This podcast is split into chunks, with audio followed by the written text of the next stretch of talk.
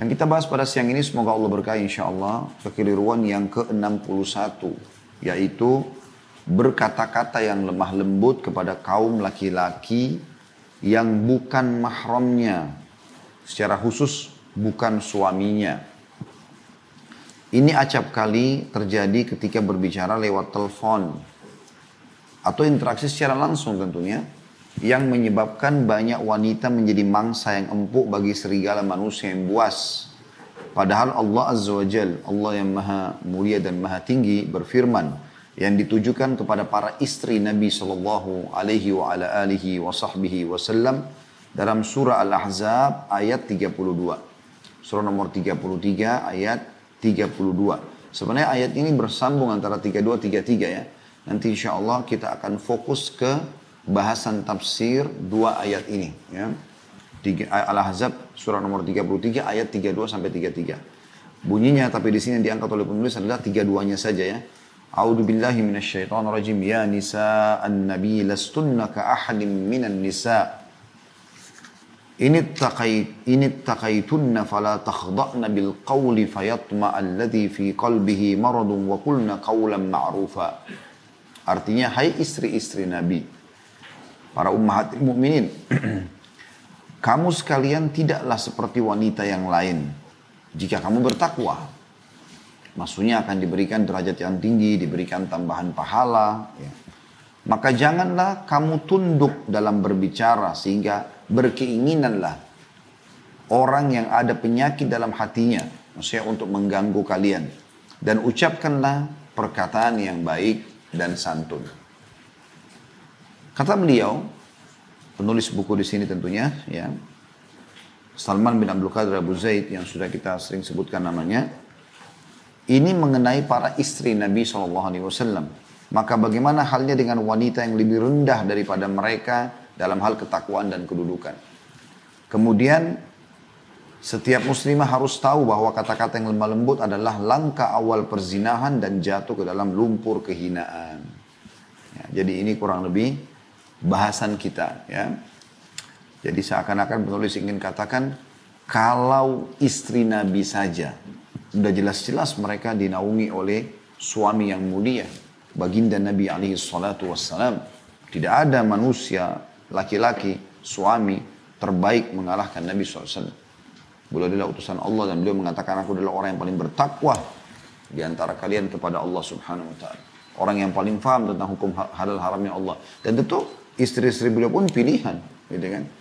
Yang akan mendampingi beliau dipilih oleh Allah Subhanahu wa taala. Dan Allah Subhanahu wa taala yang menikahkan Nabi alaihi salatu wassalam seperti kasus Zainab mantan istrinya Zaid bin Haritha langsung turun ayat yang mengatakan zawwajnaka kami nikahkan engkau dengannya hai Muhammad. Jadi tidak lagi menggunakan kalimat saya nikahkan kamu dan seterusnya khusus untuk Nabi Shallallahu Alaihi Wasallam. Beliau sangat mulia. Maka wanita-wanita pun di bawah naungan beliau adalah orang-orang pilihan. Ya, orang-orang pilihan. Nah, kalau istri-istri Nabi saja Allah ingatkan seperti ini. Wahai para istri Nabi. Kalian bukan seperti umumnya wanita. Ya. Kalau kalian bertakwa kepada Allah maksudnya akan berlipat ganda pahala kalian. Lebih tinggi derajat kalian di surga. Maka larangan Nabi apa? Supaya derajatnya tinggi mereka. Dan tetap harum namanya mendapatkan apa yang Allah janjikan yang terbaik nanti di akhir di dunia dan di akhirat maka yang Allah bilang fala takhda'na ya bil qaul ya. Atau fala takhda'na bil qauli fayatma alladhi fi qalbihi marad wa qul wa qulna qawlan ma'rufa. Dan janganlah kalian merendahkan suara kalian Maksudnya berlemah lembut, bergemulai, suara manja, ya. Dengan siapa? Dengan selain suami, selain Nabi Shallallahu Alaihi Wasallam. Maka yang terjadi nanti fayatma alladhi fi qalbihi marad karena orang-orang yang dalam hatinya ada penyakit syahwat yang haram akan tamat. Ya. Dan semua bermula dari suara. Kalau kapan suara sudah terdengar, maka bisa nyangkut ke hati dan akhirnya berkelanjutanlah kepada pintu-pintu zina. Dan dikatakan wakulna kaulam ma'ruf dan ucapkan perkataan yang ma'ruf. Maksudnya kalau darurat kalian harus menegur seseorang kayak ibu-ibu belanja di pasar harus nawar kepada penjual yang laki-laki misalnya dan bukan berduaan ya. Maka ucapkan kalimat yang ma'ruf sesuai dengan kebutuhan ya. Sampaikan hajatnya. Anda sedang konsultasi ke dokter sampaikan sesuai dengan hajat saja. Selesai ya. tidak ada bumbu-bumbu dari bahasa-bahasa itu apalagi kalau sampai bermanja-manja ya itu bahaya sekali sengaja memanggil dengan panggilan-panggilan sayang panggilan manja yang menggoda kaum laki-laki sehingga akhirnya mau mengganggu dia. Jadi ini larangan ini subhanallah turun kepada para istri Nabi SAW. Kata penulis, bagaimana dengan selain istri Nabi yang jelas-jelas ya tidak sederajat dengan mereka. Tentu lebih pantas untuk terkena hukum ini. Mereka harus lebih ekstra menjaga diri mereka. Uh, itu kurang lebih gambaran Al-Ahzab ayat 32. Kalau teman-teman, terutama ibu-ibu ya, akhwat kita yang mengikuti acara ini, karena ini memang mayoritasnya pengajian khusus kajian beda buku ini yang mayoritas mengikuti adalah ibu-ibu ya. Anda bisa nanti kembali membaca di rumah surah Al-Ahzab, surah nomor ayat 32 ini sampai 34 sebenarnya. Saya coba bacakan dulu sampai 34, tapi mungkin tafsirnya nanti karena melihat waktu terbatas, saya tidak baca sampai semuanya ya. Tapi akan mungkin 32 dan 33. Ya. Kalau insya Allah keburu waktu saya akan baca sampai tafsir 34 dan kita coba fokus ke satu tafsir saja, yaitu tafsir Ibnu Kathir ya. Dalam tafsir Quran Al-Azim. Coba kita lanjutkan bacaan ayatnya, ayat 33-nya. Selain daripada buku, sekarang kita mau masuk ke dalam tafsirnya. Allah mengatakan waqarna fi buyutikunna ولا تبرجن تبرج الجاهلية الأولى وأكمنا الصلاة وآتينا الزكاة وأطئنا الله ورسوله إنما يريد الله ليذهب عنكم الرجز أهل البيت ويطهركم تطهيرا Kemudian ayat 34-nya ini kalau keburu insya Allah kita coba jangan sampaikan nanti. Wadhkurna ma fi buyutikunna min ayatillahi wal hikmati inna Allah kana latifan khabira. Ya, saya ulangi terjemahan dari ayat 32 sampai 34. Hai istri-istri Nabi, kamu sekalian tidaklah seperti wanita yang lain. Jika kamu bertakwa kepada Allah, sudah saya katakan kalau kalian bertakwa kepada Allah, derajat kalian lebih tinggi daripada wanita umumnya. Lalu dikatakan, maka janganlah kamu tunduk dalam berbicara, berlemah lembut, bermanja-manja tadi. Kepada selain daripada suami ya, Sehingga berkeinginanlah orang yang ada dalam hati atau ada penyakit dalam hatinya untuk mengganggu. Dan ucapkanlah perkataan yang baik dan hendaklah itu ayat 32 ayat 33-nya dan hendaklah kamu ya kata Allah Subhanahu wa kepada ummahatil mukminin dan hendaklah kamu tetap di rumahmu maksudnya jangan keluar tanpa ada hajat dan janganlah kamu berhias dan bertingkah laku seperti orang-orang jahiliyah yang dahulu. Nanti kita sebutkan tafsirnya insya Allah. Dan dirikanlah sholat. Sibukkan sholat di rumah kalian. Tunaikanlah zakat. Dan taatilah Allah dan Rasulnya. Sesungguhnya Allah bermaksud hendak menghilangkan dosa dari kamu, hai ahli bait. Ya, para istri Nabi. Para anak-anak Nabi. Kerabat Nabi. Dan membersihkan kamu sebersih-bersihnya Lalu ayat 34-nya dan pelajarilah apa yang dibacakan di rumahmu dari ayat-ayat Allah dan hikmah sunnah Nabi SAW. Sesungguhnya Allah adalah maha lembut dan maha mengetahui. Allah maha lembut dan maha mengetahui. Saya akan coba langsung masuk ke tafsir yang disampaikan oleh Ibnu Katsir rahimahullah dalam tafsir Quranul Azim, tepatnya tafsir surah Al-Ahzab, surah nomor 33 ayat 32 sampai 34 ya. Beliau langsung masuk ke perkataan mengatakan ayat yang disebutkan atau apa yang disebutkan dalam ayat-ayat ini di atas merupakan etika-etika yang dianjurkan oleh Allah Subhanahu wa taala kepada para istri-istri Nabi sallallahu alaihi wasallam sedangkan kaum wanita umatnya mengikuti mereka dalam hal ini. Untuk itu Allah SWT berfirman kepada istri-istri Nabi bahwasanya apabila mereka bertakwa kepada Allah sesuai dengan apa yang telah diperintahkan oleh Allah kepada mereka, maka sungguhnya tidak ada seorang wanita pun yang setara dengan mereka dan tidak ada seorang wanita pun yang dapat menyusul keutamaan dari kedudukan mereka. Dan Allah mengatakan inti yang sedang ditegur atau diingatkan di ayat 32, fala takhda'na bil qaul. Maka jangan kamu tunduk dalam berbicara. Nah ini jadi saksi bahasan kita. Kekeliruan yang sedang dibahas ini pelanggaran adalah itu. Sengaja bermanja-manja, berlemah lembut, ya, saling uh, atau menggoda lawan jenisnya, ya. Tentu nanti itu akan kita tetapkan, ya, jelaskan insya Allah di penutupan bahasan kita. Sebaliknya kita harus justru melampiaskan semua itu. Suara yang lembut, tutur kata yang santun, sayang-sayangan, manja dengan suami. Justru itu kewajiban. Selain daripada dia hukumnya tidak boleh. Kan gitu. Kalau masalah sama ayah, sama anak, ini boleh berbicara tapi bukan bermanja seperti bermanjanya pada suami ya. Dia mengucapkan kata-kata yang bisa bahkan memicu birahi ya, syahwat. Itu hanya pada suami saja. As-Sa'di berkata, dinukil oleh Ibn Kathir rahimahullah, dan lain-lainnya bahwa makna yang dimaksud dengan mereka istri-istri Nabi tidak boleh bertutur kata dengan nadah lemah lembut jika berbicara dengan lelaki. Terutama tadi bukan suami ya. Mahram pun boleh tentu kita berlemah lembut. Di sini lembut maksudnya bermanja-manja ya. Karena tetap saja kita sebagai orang beriman harus bertutur kata yang baik, yang santun, yang yang lembut kan gitu. Tapi di sini maksudnya adalah bermanja-manja yang bisa mengundang akhirnya orang menilai Anda sedang menggodanya gitu kan. Alasannya Allah sebutkan kata Ibnu Katsir rahimahullah, fayatma alladhi fi qalbihi marad. Karena dengan berlemah lembut itu muncullah keinginan orang yang dalam hatinya ada penyakit. Maksudnya penyakit syahwat tadi yang salah ya yang keliru yang bisa ditunggangi oleh syaitan untuk membuat akhirnya dia merasa oh perempuan ini ya suka sama saya.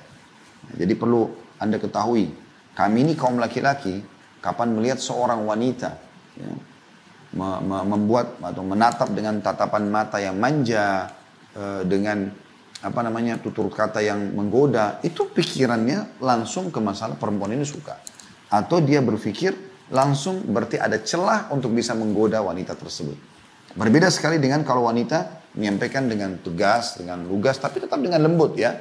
ya. Misalnya Anda mau menyuruh seseorang di rumah, ya, ada supir misalnya, ibu mau suruh misalnya, ibu mengatakan, Pak, tolong ambilkan barang saya di sini, selesai, gitu kan? Jadi nggak ada, nggak ada sama sekali yang bisa membuat mencela dia menilai, oh ternyata majikan saya ini suka sama saya misalnya. Beda dengan orang kalau bercanda-bercanda, ketawa-ketawa sama supirnya misalnya, atau sama apalah tukang kebun atau siapa atau uh, sales barang atau apalah gitu kan. Itu semua tidak dibolehkan. Ya, ini yang ditegur dalam Al-Quran di sini. Lalu dikatakan makna kata Ibnu Katsir, fayatma fayatma'u alladhi fi qalbihi marad maka berkeinginanlah orang yang ada dalam hatinya ya, penyakit yaitu khianat. Maknanya berkhianat, maksudnya dia bisa mengajak Anda untuk mengkhianati suami Anda atau dia mengkhianati istrinya. Ya, bisa bermakna itu. Kemudian Allah mengatakan wa qulna qawlan ma'rufa dan ucapkanlah perkataan yang baik. Ibnu Zaid mengatakan kata beliau, makna yang dimaksud ialah ucapan yang baik, pantas lagi tegas. Lagi tegas. Ya. Tolong ini. Berapa harganya ini? Ya, saya mau beli sekian, selesai. To the point. Ya, supaya tidak ada celah yang membuat nanti akhirnya laki-laki merasa ada celah untuk bisa masuk kepada Anda. Karena Anda perlu tahu ya, wanita itu lemah. Nah, dominan perasaan. Kapan laki-laki itu melihat ada celah untuk bisa masuk kepada Anda, dia akan masuk dengan caranya dan dengan godaan-godaan yang menyentuh perasaan Anda, Anda pun nanti akan lunak. Itu secara otomatis ya.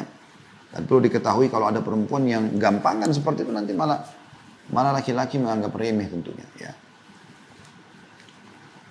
Dengan kata lain kata beliau, seorang wanita itu bila berbicara dengan laki lain, hendaklah hendaknya tidak memakai nada suara yang lemah lembut. Ini tafsirnya ya. Yakni jangan seorang wanita berbicara dengan laki-laki lain dengan perkataan seperti dia berbicara dengan suaminya sendiri. Nah berarti sebaliknya sama suami justru harus bermanja-manja. Justru harus ungkapkan semua, habiskan semua itu kata sayang, rindu, cinta, panggilan-panggilan mesra, semua sama suami. Nah sekarang kan banyak terjadi berbeda ya. Jadi mereka, para wanita-wanita ini, semoga Allah berikan hidayah, di luar luar biasa supelnya, ngobrol sama semua orang, tepak-tepuk sana sini. Tapi sama suaminya, dingin ya. Tidak menunjukkan kepeduliannya, tidak mengejar pahala justru dengan menghibur suaminya, memenuhinya. Sebagaimana kita akan jelaskan ya, akan disebutkan oleh tafsir Ibnu Katsir dalam dalam makna ini sangat luas ya, dan bermakna tentang bagaimana dia tidak boleh seorang wanita justru berlemah lembut dengan selain suaminya sama suaminya justru punya kewajiban berlemah lembut menggoda dia ya bahkan mengangkat ya tanda kutip di sini pakaian malunya untuk menggoda suami, untuk melayani suami, untuk memenuhi kebutuhan biologisnya, itu harus diangkat dengan suami sehingga dia akan terpenuhi kebutuhannya, suami terpenuhi kebutuhan dan mereka di luar tidak akan tergoda. Ya seperti itulah. Ini sejalan juga dengan uh, pernah terjadi. Nabi Alaihissalatu Wassalam dikatakan dalam sebuah riwayat ya uh, segera mendatangi Zainab salah satu istri beliau. Pada saat beliau lewat gitu kan di sebuah jalan Lalu kemudian beliau tiba-tiba langsung belok ke rumah Zainab, lalu kemudian beliau mampir dan para sahabat menunggu. Ternyata beliau berhubungan biologis dan beliau menyampaikan itu. Lalu beliau keluar lalu mengatakan, kalau seseorang di antara kalian melihat wanita yang tidak halal bagi dia, dan tergoda syahwatnya, segeralah dia kembali. Mulai itu kita tertarik dengan pandangan kah atau tutur katanya langsung kembali ke istrinya. Karena istrinya memiliki apa yang dimiliki oleh wanita tersebut. Ya. Jadi dia lampiaskan supaya tertutup. Jadi maksudnya kalau kita sudah lampiaskan semuanya ya, maka secara otomatis dengan pasangan kita, kita nggak butuh lagi. Contoh misal, kalau seorang suami sering mengucapkan sama istrinya, sayang, rindu, cinta, apalah mesra, ya. Bahkan mungkin zaman kita sekarang mungkin bisa mengirim foto, ya, cuplikan, hanya untuk pasangannya saja. Contoh misal. Maka itu nanti kalau ada orang-orang yang hidung belang dari luar mau coba menggoda. Ya, si istri, istrinya sudah puas dengan suaminya, dia mau apa gitu. Terus celah itu kan. Begitu juga dengan uh, istri, eh, suami. Pada saat dia mendapatkan tutur kata yang santun, pelayanan yang baik, segala macam, mesraan yang mencukupi, membuat dia puas, maka dia tidak akan butuh godaan wanita mana bagaimanapun di luar tidak dibutuhkan. Oleh karena itu ada bahasan saya di dalam manajemen rumah tangga Islami teman-teman sekalian. Salah satu yang membuat ya ada 30 kiat mempertahankan rumah tangga saya bahas salah satunya adalah bagaimana maksimal dalam menikmati pasangan. Baik dari pandangan mata, baik dari ciuman, baik dari sentuhan dan segala macam itu yang halal supaya yang haram tertutup. Makanya syaitan sering kali teman-teman sekalian membuat kadang-kadang masalah kecil dalam rumah tangga bisa jadi pemicu besar sehingga terbengkalai biologis dua hari, satu minggu, ada yang satu bulan, ada bahkan yang pernah berkeluh kesah di pengajian sudah sekian tahun tidak berhubungan biologis dan itu target syaitan. Sehingga kebutuhan Anda tidak terbunuh di situ, Anda akan cari di tempat lain dan itu kebanyakan mereka lari ke masalah-masalah haram. Itu membuka pintu-pintu syaitan. Ibnu Zaid berkata saya ulangi makna yang dimaksud daripada wakulna kaulam ma'rufa dan ucapkanlah kalimat yang baik adalah yang pantas dan tegas ya kepada selain suami tadi saya bilang. Dengan kata lain seorang wanita itu bila berbicara dengan laki-laki lain hendaknya ya tidak memakai nada suara yang lemah lembut yakni janganlah seorang wanita berbicara dengan laki-laki dengan perkataan seperti dia bicara dengan suaminya sendiri.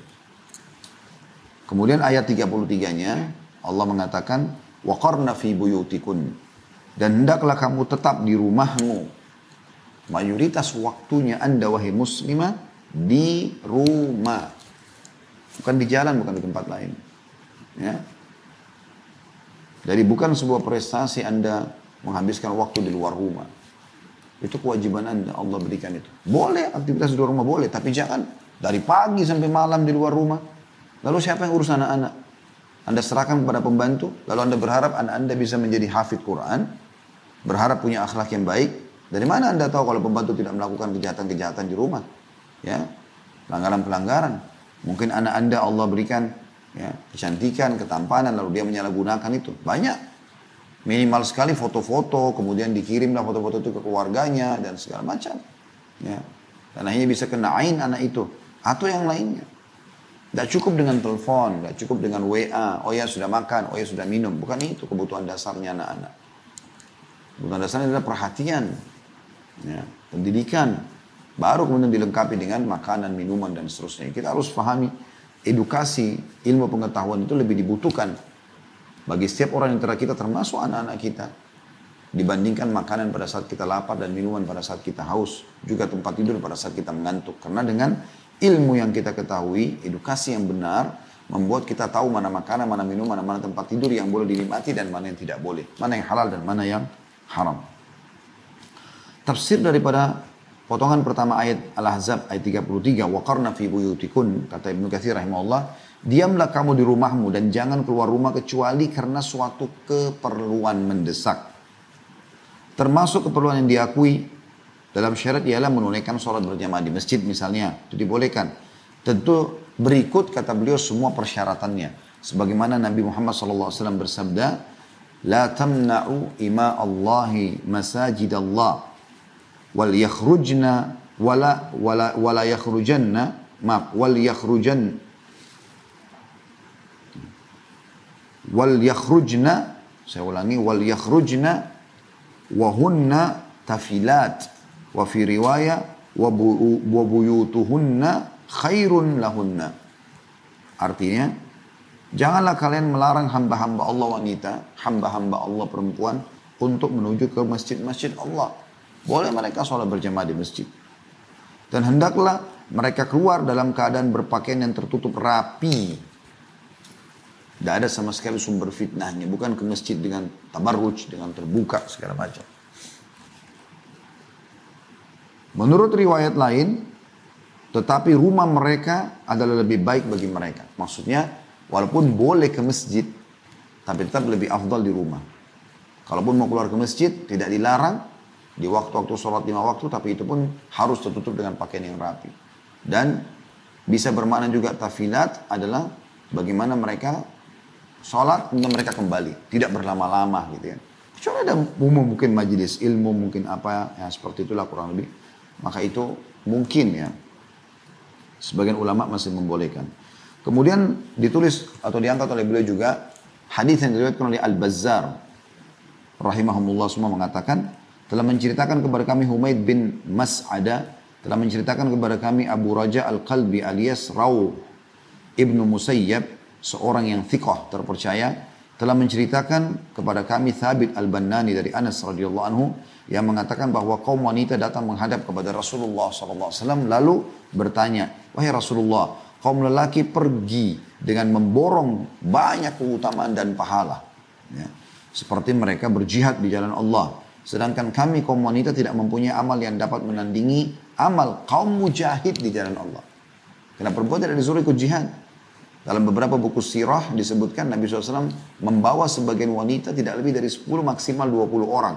Dari para sahabat yang bisa membantu untuk masak, untuk mengobati orang sakit dan seterusnya. Gitu kan.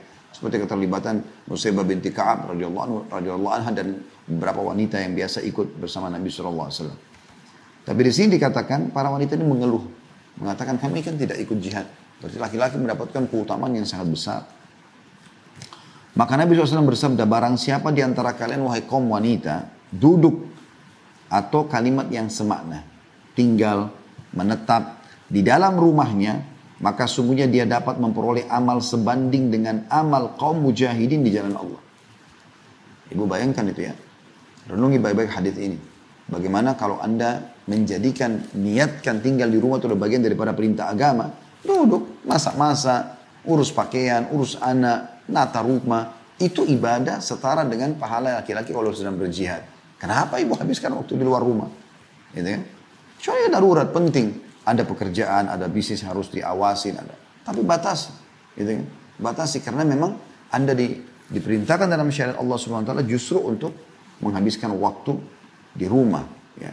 Maryam alaihissalam ibu Nabi Isa alaihissalam kata sebagian ulama Allah tiupkan ruh dari Allah Subhanahu wa taala karena kesucian wanita ini. Luar biasa sucinya. Dikatakan dalam beberapa asar Maryam alaihissalam tidak terlihat keluar dari rumahnya kecuali darurat sekali. Kebanyakan dihabiskan di dalam rumahnya bahkan di dalam kamarnya dan ibadah kepada Allah Subhanahu wa taala. Karena sucinya sampai kalau dia jalan itu jadi bahan perhatian orang kalau dia pas keluar, gitu kan. Nah, luar biasa gitu. Bazar juga berkata, kami tidak mengetahui ada seseorang yang meriwayatkan hadis ini melalui uh, Thabit bin uh, Al-Banani ya selain Rawi ibnu Al-Musayyib dia seorang laki-laki dari kalangan ulama yang cukup terkenal maksudnya hadis ini bisa diterima ya kemudian juga ada diangkat lagi oleh beliau masih riwayat Al-Bazzar dari Abdullah bin Mas'ud radhiyallahu anhu bahwa Nabi SAW bersabda sungguhnya tubuh wanita itu adalah aurat. Ya. Innal mar'ata aurah. Fa'idha kharajat, fa'idha kharajat istashrafaha syaitan. Jadi kalau dia keluar, maka syaitan akan menyambutnya. Ya. Syaitan akan gembira dengan kalau ibu keluar. Mulailah syaitan memasang perangkat-perangkatnya di situ ya. Untuk menyesatkan kaum laki-laki. Wa akrabu ma takunu birauhati rabbiha wahia fi qa'ri baitiha. Dan ketahuilah setiap wanita itu paling dekat dengan Tuhannya, dengan rahmat Tuhannya, justru pada saat ia berada di dalam rumahnya. Ya, perhatikan babek riwayat-riwayat ini gitu kan. Jadi memang para wanita itu disuruh ya di rumah. Dan subhanallah masa pandemi seperti ini melatih kita untuk itu. Ya. Sekarang bahkan bukan cuma perempuan, laki-laki pun banyak tinggal di rumah. Jadi rumah memang sebuah tempat, namanya rumah, tempat tinggal yang memang untuk tinggal. Kita keluar kalau darurat. Ya, apalagi kaum wanita di situ. Dalam riwayat yang lain juga masih riwayat Bazar diangkat oleh beliau dengan sanad yang jayid. Dikatakan bahwasanya Nabi SAW bersabda, Salatul mar'ati fi makhdi'iha afdalu min salatiha fi baitiha. Wa salatuha fi baitiha afdalu min salatiha fi hujri, hujratiha. Salat seorang wanita di dalam tem, di dalam tempat kamar tidurnya, di kamar tidurnya, lebih baik, lebih afdal, lebih besar pahalanya daripada salat di dalam rumahnya. Jadi Ibu-ibu kalau sholat, sholat dalam kamar lebih tersembunyi, lebih afdal, lebih besar pahalanya dibandingkan ibu sholat di ruang tamu. Gitu. Dan sholat di dalam rumah, di ruang tamu, lebih afdal daripada sholat di luar rumahnya. Kemudian teman-teman sekalian, Allah juga melanjutkan dengan mengatakan, Wala tabarrujna tabarrujal jahiliyatil ula. Dan janganlah kamu berhias dan bertingkah laku seperti orang-orang jahiliyah yang dahulu. Allah masih ingatkan para istri-istri Nabi di sini ya. Dan tentu berlaku juga buat seluruh muslimat. Mujahid salah satu ulama berkata bahwa dahulu di masa jahiliyah wanita bisa atau bila keluar berjalan di depan kaum pria. Maka itulah dinamakan dengan tingkah laku jahiliyah. Jadi sengaja dia keluar dengan keindahannya, dengan kecantikannya, dengan wanginya, dengan tutur kata lembutnya di depan para laki-laki. Maka terbukalah pintu-pintu fitnah. Ya. Kata ada mengatakan sehubungan dengan makna firman Allah SWT dan janganlah kamu berhias dan bertingkah laku seperti orang-orang jahiliyah dahulu. Yakni bila kalian keluar dari rumah, ya, jangan kalian berlaku seperti orang jahiliyah. Bagaimana cerita orang jahiliyah? Kata beliau, dahulu wanita bila berjalan berlenggak-lenggok dengan langkah yang manja dan memikat. Lalu Allah subhanahu wa ta'ala melarang hal tersebut. Muqatil, salah satu juga ulama, telah mengatakan sehubungan dengan makna firman Allah dan janganlah kamu berhias dan bertingkah laku seperti orang-orang jahiliyah yang dahulu. Ya. Yang dimaksud adalah mengenakan kain kerudung tanpa mengikatnya. Jadi sengaja dia cuma taruh kain di kepalanya gitu kan. Tapi bagian rambut kelihatan, eh, bagian leher kelihatan. Dikatakan oleh beliau begitu ya. Mengenai kain kerudung tanpa mengikatnya. Karena kalau diikat dapat menutupi kalung dan anting-anting serta lehernya. Jika tidak diikat maka semuanya itu dapat kelihatan. Yang demikian itulah yang dinamakan tabarruj. Nah, Allah mengatakan wala tabarrujnya tabarruja jahiliyatil ula. Dan jangan sampai kalian bertabarruj. Artinya memperlihatkan keindahan-keindahan dan perhiasan yang tidak boleh diperlihatkan untuk umum Kata beliau kemudian larangan ini berlaku menyeluruh bagi semua kaum wanita mukminah. Jadi bukan cuma ya para ummahatil mukminin. Ibnu Abbas juga diriwatkan pada saat disebutkan ayat ini dan janganlah kamu berhias dan bertingkah laku seperti orang-orang jahiliyah dulu. Dia mengatakan bahwa muncul tabarruj di masa antara Nabi Nuh dan Nabi Idris alaihi wassalatu wassalam. Lamanya kurang lebih seribu tahun itulah permulaannya. Ya. Jadi mereka mulai berbuka di situ, ya, tabarruj terlihat. Seperti itulah. Dan Nabi SAW juga sudah mengingatkan ya, tidak ada fitnah yang aku tinggalkan bagi laki-laki yang lebih besar sepeninggalku dibandingkan wanita. Jadi memang besar sekali fitnahnya. Ibu itu bisa jadi fitnah ya kalau ibu tidak menjaga diri. Kemudian lanjutan firman Allah SWT, wa akimna salata wa atina zakata wa atina Allah wa rasulah dan dirikanlah salat. Jadi di rumahmu nanti itu sibuk dengan salat, tunaikan zakat dan taati Allah dan Rasulnya. Bisa bermakna juga di sini teman-teman sekalian. Jangan sampai kalau kalian di rumah, mana kalian juga telat telat sholatnya. Kan di rumah gak ada apa-apa, tinggal kamar mandi, uduk, pakai mukena, hadap kiblat, sholat gitu kan. Harusnya on time sholatnya. Jangan juga lalai dari zakat. Hitung walaupun dalam rumah kalau ada pendapatan yang datang. Tetap dihitung. Dan selalu taat kepada Allah dan Rasulnya. Itu di rumah jangan berbuat kemaksiatan. Kemudian juga firman Allah Subhanahu wa taala innama yuridullahu liyudhhiba ankum rizza ahlal bait wa yutahhirakum tathira dan sungguhnya Allah bermaksud ingin menghilangkan dosa dari kamu wahai ahli bait dan membersihkan kamu sebersih-bersihnya. Ayat ini, teks ayat ini menjelaskan dan menekankan bahwasanya istri-istri Nabi pun masuk dalam istilah ahli bait.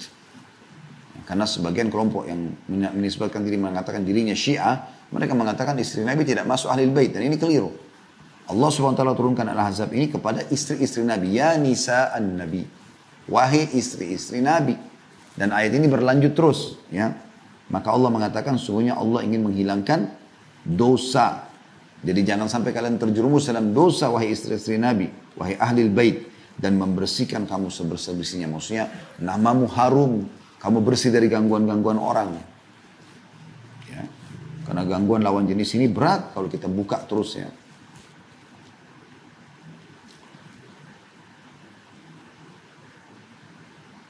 Kemudian teman-teman sekalian, dalam tafsir Ibn Kathir cukup banyak sekali riwayat saya lewatin saja langsung tafsirnya. Kemudian ayat 34 nya dikatakan wadhkurna ma yutla fi buyutikunna min ayatillahi wal hikmah. Ya.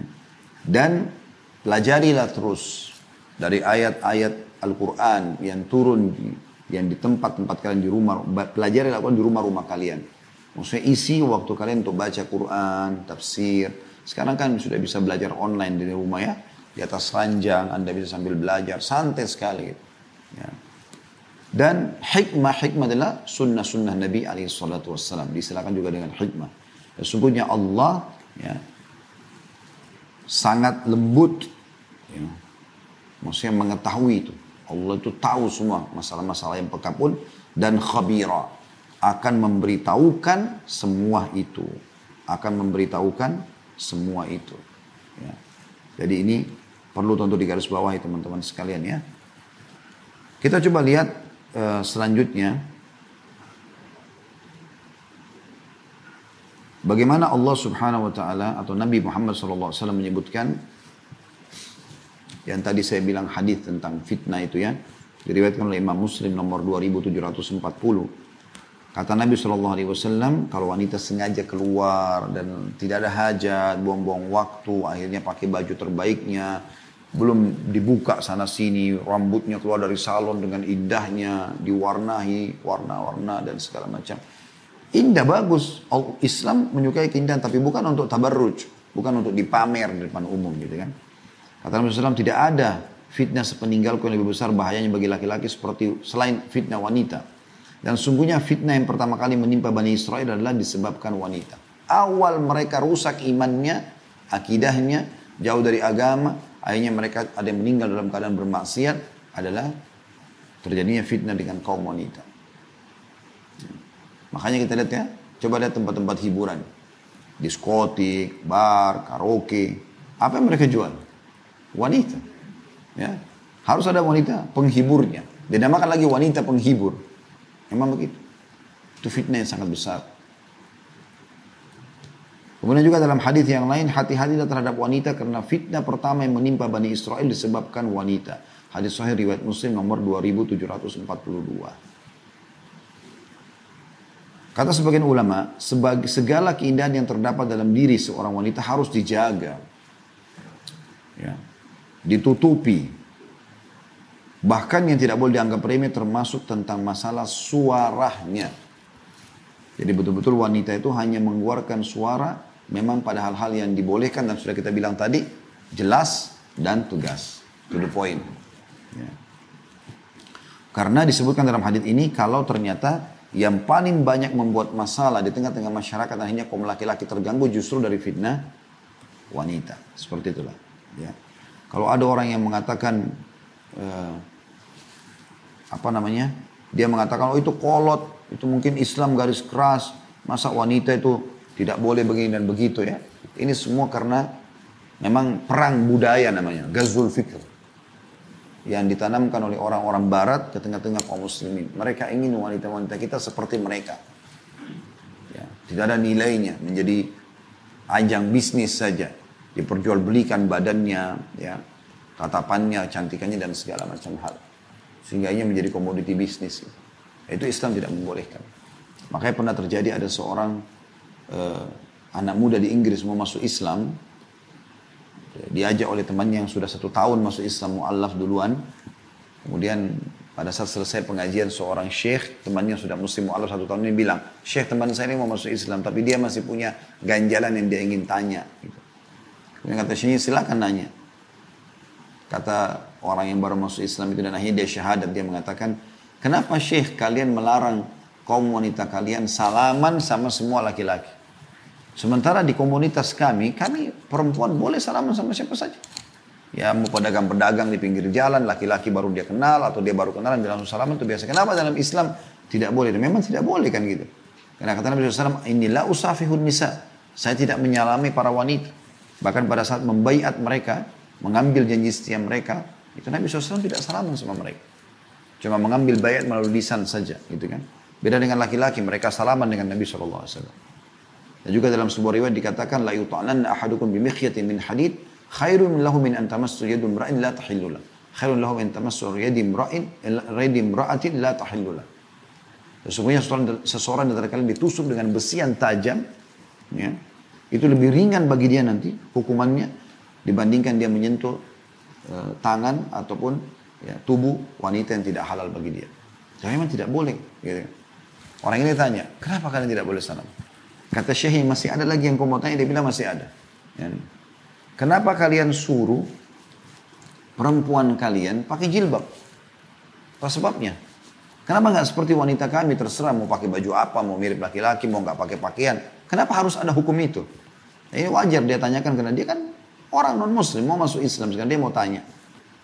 Kata Syekh kau sudah selesai dia bilang iya. Lalu dijawab dua pertanyaan ini.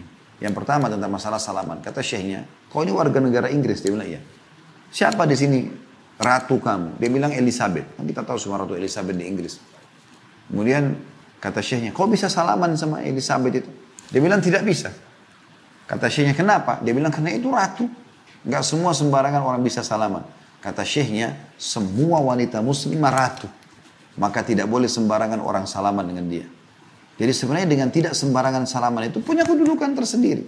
Karena tidak semua orang menyentuh tangannya. Gitu kan? Sampai kita tahu hukum syariat kita teman-teman sekalian. Ini di luar daripada perkataan Syekh tadi ya. Saya tambahkan saja.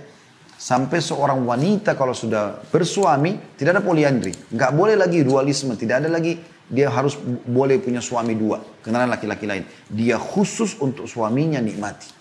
Itu kan luar biasa gitu. Ya. Berarti memang dia sangat terbatas dia. Tidak boleh sembarangan dia disentuh sana sini. Apa yang Allah sebutkan tentang ciri bidadari di surga dalam surah Rahman? Lam yatmithunna insun qablahum wala jan. Bidadari itu selain cantik lah, sempurna lah segala macam Allah puji seperti mutiara dan segala macam ya. Mereka perawan, mereka sebaya, mereka segala macam lah. Punya tubuh yang ideal. Lalu Allah mengatakan satu cirinya adalah mereka belum pernah disentuh oleh jin juga manusia. Bayangkan, yang sentuh mereka dalam sebuah riwayat dikatakan hanya suaminya saja. Emang harusnya begitu wanita. Baru dia mulia, tidak sembarangan orang. Kita sayangkan ini banyak muslimah melalaikan masalah ini sehingga mereka gampangan sekali. Salaman sama semua orang, disentuh sama semua orang, supel, baru kenal hari ini, malam sudah masuk hotel berzina. Gimana itu? Gitu kan? Kayak tidak ada nilainya. Maka yang dia harus lakukan sekarang, kita balik ya. Maaf, kita kembali ke kita syekh tadi. Kemudian yang kedua masalah jilbab.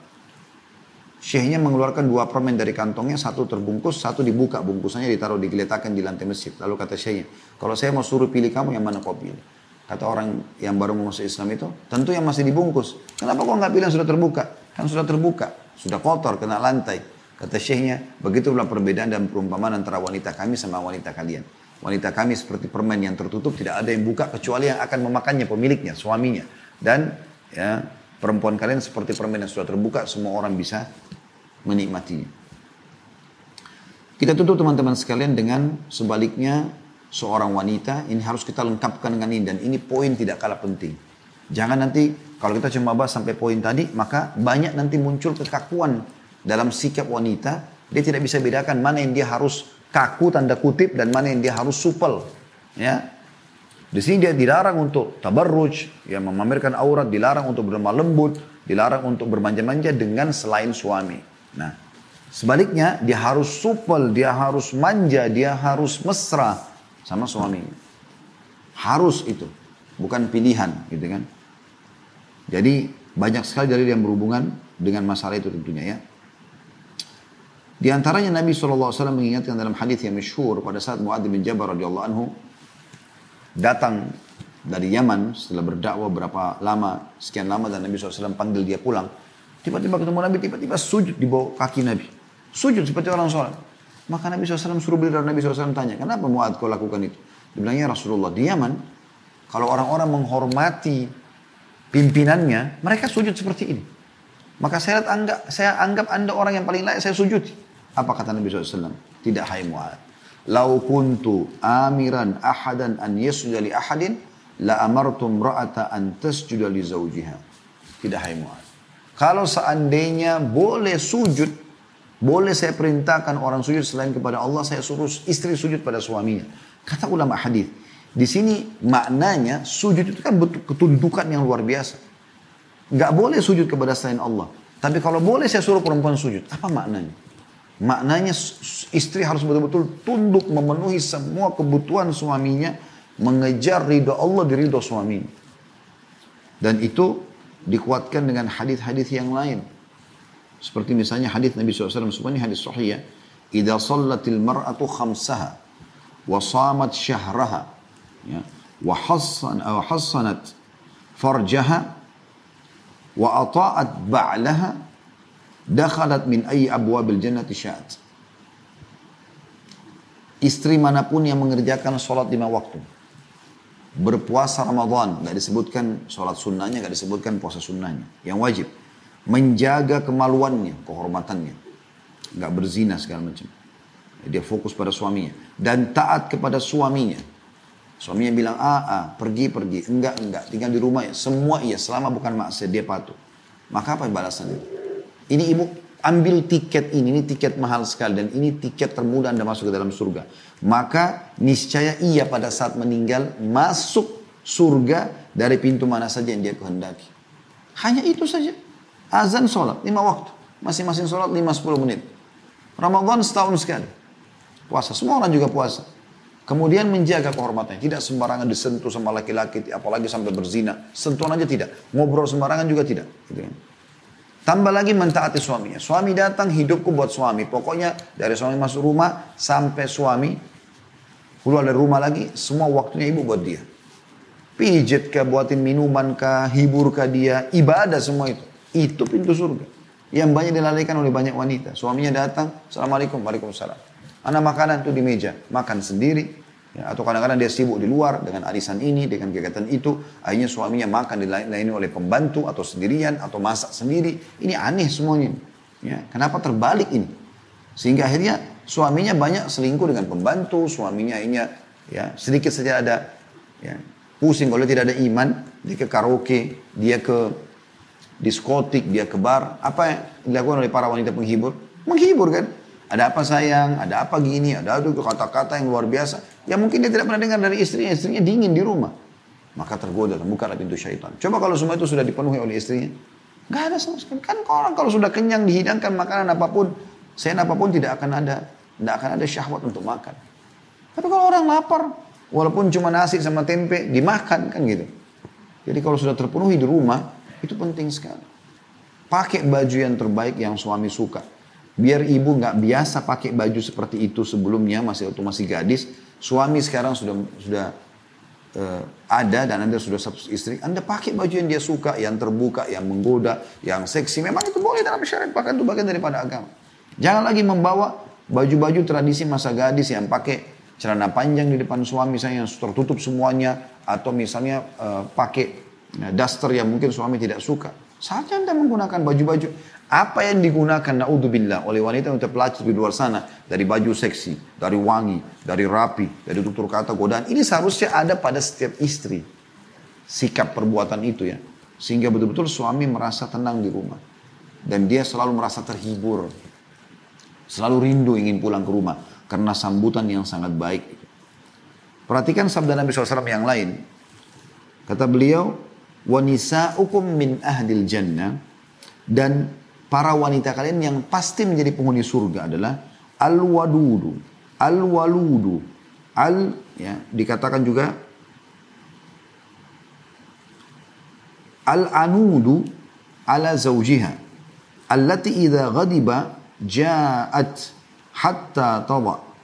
Maaf janat atau ja'at ja'at hatta tada yadaha fi yadi zawjiha wa taqul la adhuku gamsan atau gamdan hatta tarda mohon maaf tulisannya terlalu kecil ya di handphone saya ambil ini tulisannya sangat kecil maka saya sedikit memperbaiki bacaan kadang-kadang wanita-wanita kalian yang menjadi penghuni surga adalah yang penuh kasih sayang semua hidupnya sayang suaminya, anaknya, semua baik. Nggak ada memancing emosi, nggak ada yang emosional. Ini wanita surga ciri pertama, penuh kasih sayang. Banyak anak. Semua laki-laki itu suka anak. Jadi kalau ibu digoda oleh syaitan untuk tidak mau hamil, ini aneh. Ya, justru punya anak. Dan kembali atau selalu setia kepada suaminya. Yang apabila suaminya marah, ia mendatangi dan meletakkan tangannya di atas tangan suami dan berkata, Aku tidak dapat tidur nyenyak hingga engkau ridha. Ya. Dalam riwayat lain disebutkan bahwasanya wanita ahli surga adalah wanita yang kalau dia disakiti atau dia menyakiti, disakiti pun sama. Maka dia akan datang dan memegang tangan suaminya sambil mengatakan, aku tidak bisa tidur sampai engkau ridho kepadaku. Jadi kami ini kaum laki-laki justru subhanallah kalau ibu-ibu hadapi dengan kelemah lembutan ya. Ibu misalnya tahu nih salah suaminya. Tapi ibu malah datang, ibu malah dandan, ibu malah santun, ibu malah malah menunjukkan pelayanannya, menjalankan tugasnya. Maka yang terjadi suami itu nanti akan, kami ini para laki-laki merasa, oh saya yang salah. Kalau ibu mengatakan, maafin ya kalau saya punya salah. Pasti si laki-laki itu akan mengatakan, tidak, memang saya yang salah. Tapi kalau ibu gunakan cara laki-laki, Ibu marah-marah, ibu pecahin piring, ibu banting pintu, ibu blokir WA, ibu apalah, macam-macam. Maka yang terjadi dia akan hadapi ibu seperti hadapi laki-laki. Tahu bagaimana kami hadapi laki-laki? Tonjok-tonjokan. Gitu kan? Kita akan ribut dan itu tidak layak untuk dihadapi kaum wanita dengan cara itu. Tapi itu akan terjadi bermula dari kaum wanita di sini. Ya, itu contohnya. Anda bisa kembali ke ceramah kami di YouTube tentang mengenal karakter pasangan. Cukup banyak saya jelaskan beberapa karakter laki-laki yang harus dikenal oleh perempuan. Juga sebaliknya laki-laki, eh, Eh, bagaimana eh, laki-laki mengenal karakter perempuan dan perempuan mengenal karakter laki-laki. Juga ada seorang wanita dikenal dalam riwayat dengan bibinya Imran. Uh, ya. Dalam riwayat dikatakan ada tantenya Husain bin Muhsan. Bahwasanya tantenya pernah mendatangi Rasulullah SAW dalam satu keperluan. Setelah itu ia menyelesaikan keperluan lalu Nabi SAW bertanya, apakah engkau telah bersuami? Ia menjawab, sudah. Lalu kata Nabi SAW pesan kepada ibu ini, tantenya tadi, sahabat ini pada saat mau pulang. Ya, Bagaimana sikapmu kepada suamimu? Ia menjawab, aku tidak pernah mengurangi haknya kecuali yang aku tidak mampu mengerjakannya. Maka kata Nabi SAW, Fanduri aina anti minhu fa innama huwa jannatuki wa naruki. Kata Nabi SAW, perhatikan baik-baik bagaimana hubunganmu dengannya. Karena suamimu merupakan surgamu atau nerakamu. Jadi dia bisa menjadi penyebab kau masuk surga atau dia menyebab kau masuk ke dalam neraka. Nabi SAW juga mengatakan tentang masalah pelayanan suami dalam hadis yang masyhur. Semua ini hadis-hadis sahih. Ya, riwayat Bukhari, Muslim, hadis Sunan. Ya. Kata Nabi SAW, "Idza da'a ar-rajulu imra'atahu ila firashihi an taji' Fabata ghadbana 'alaiha la'anatha al-malaikatu hatta tusbih. Apabila seorang suami mengajak istrinya ke tempat tidur, tentu ini bahasa kiasan, maksudnya jima, berhubungan biologis, bermesraan, ditemani duduk, ngobrol. Jangan dianggap itu sia-sia ya, ngobrol, penuhi kebutuhannya, pijet tubuhnya, hilangkan capeknya dan segala macam, hibur dia. Buat suasana nyaman di rumah, wangi, bersih, makanan enak. Jadi dia betul-betul fresh, dia keluar lagi cari nafkah dengan kondisi dia sehat gitu kan. Kalau ada suami mengajak biologis lalu suami istrinya nolak gitu kan. Sehingga membuat suaminya marah, maka si istri akan dilaknat oleh malaikat hingga subuh. Tentu kita tidak bicara, teman-teman sekalian, kalau dia sakit, dia lagi uh, berhalangan, ya tidak. Itu beda. Suami harus pengertian. Tapi kalau tidak ada apa-apa, hanya kena kesombongan, menganggap remeh suami, maka ini semua tidak boleh. Ya. Dalam riwayat Muslim ditambahkan sampai dia kembali, maksudnya sampai dia sampai dia kembali tidak membuat suaminya marah. Dalam riwayat lain juga disebutkan ya dalam riwayat Ahmad dan Imam Muslim sehingga suaminya ridho kepadanya. Sampai dia buat suaminya ridho. Dia datang kembali menggoda minta maaf segala macam seperti itulah ya. Dan ini uh, apa namanya tuntunan nabawiyah tuntunan kenabian yang luar biasa. Bagaimana kita membuat keharmonisan keromantisan dalam rumah tangga Kemudian dalam hadis yang lain tegas sekali ibu-ibu perhatikan ya, kalau ibu malah menolak, ibu malah malas-malesan, ibu tidak mau layani suami, ini luar biasa. Nabi SAW bersumpah, "Walladhi nafsi Muhammadin biyadih." Demi zat Allah yang jiwa Muhammad dalam genggamannya. La tu'zil mar'atu la tu'addil mar'atu haqqa rabbaha hatta tu'addi haqqa zawjiha. La tu'addil mar'atu haqqa rabbiha hatta tu'addi haqqa zawjiha walau sa'ala nafsaha wa hiya ala qatabin lam tamna'hu. Demi Allah yang jiwa Muhammad berada dalam tangannya atau genggamannya seorang wanita tidak akan bisa menunaikan hak Allah. Belum diterima amal-amalnya sama Allah apa pun itu sebelum ia menunaikan hak suaminya. Andaikan suami meminta dirinya suruh temani suruh ajak, diajak biologis padahal ia sedang berada di atas punggung unta sudah mau jalan, kalau kita di atas mobil sekarang, sudah rapi mau keluar. Maka istri tetap tidak boleh menolak.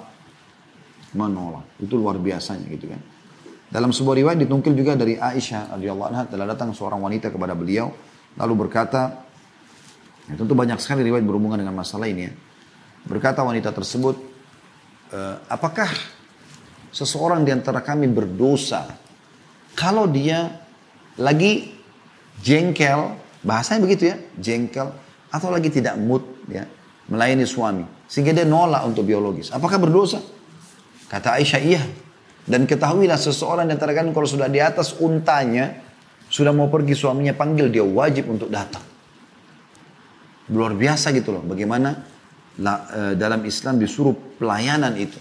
Dan ibu subhanallah perlu ketahui kalau ibu selalu saja fokus memenuhi kebutuhan biologis, keharmonisan, romantisan sama suami ini, maka ibu dengan sendiri tenang, ibu nggak usah khawatir perselingkuhan di depan di luar rumah, sudah nggak ada. Itu kata kuncinya. Tapi kalau ibu malas-malesan, ibu nggak peduli, eh, suami pulang, ibu sudah tidur, makanan nggak ada, nggak ada perhatian secara khusus gitu, nggak pernah pakai baju-baju yang bagus, yang seksi, yang menarik, warna yang disukai oleh suami, pakai uang yang disukai, maka anda tunggu saja akibatnya. Kan? Makanya Islam datang memandu dengan cara yang baik. Allahu.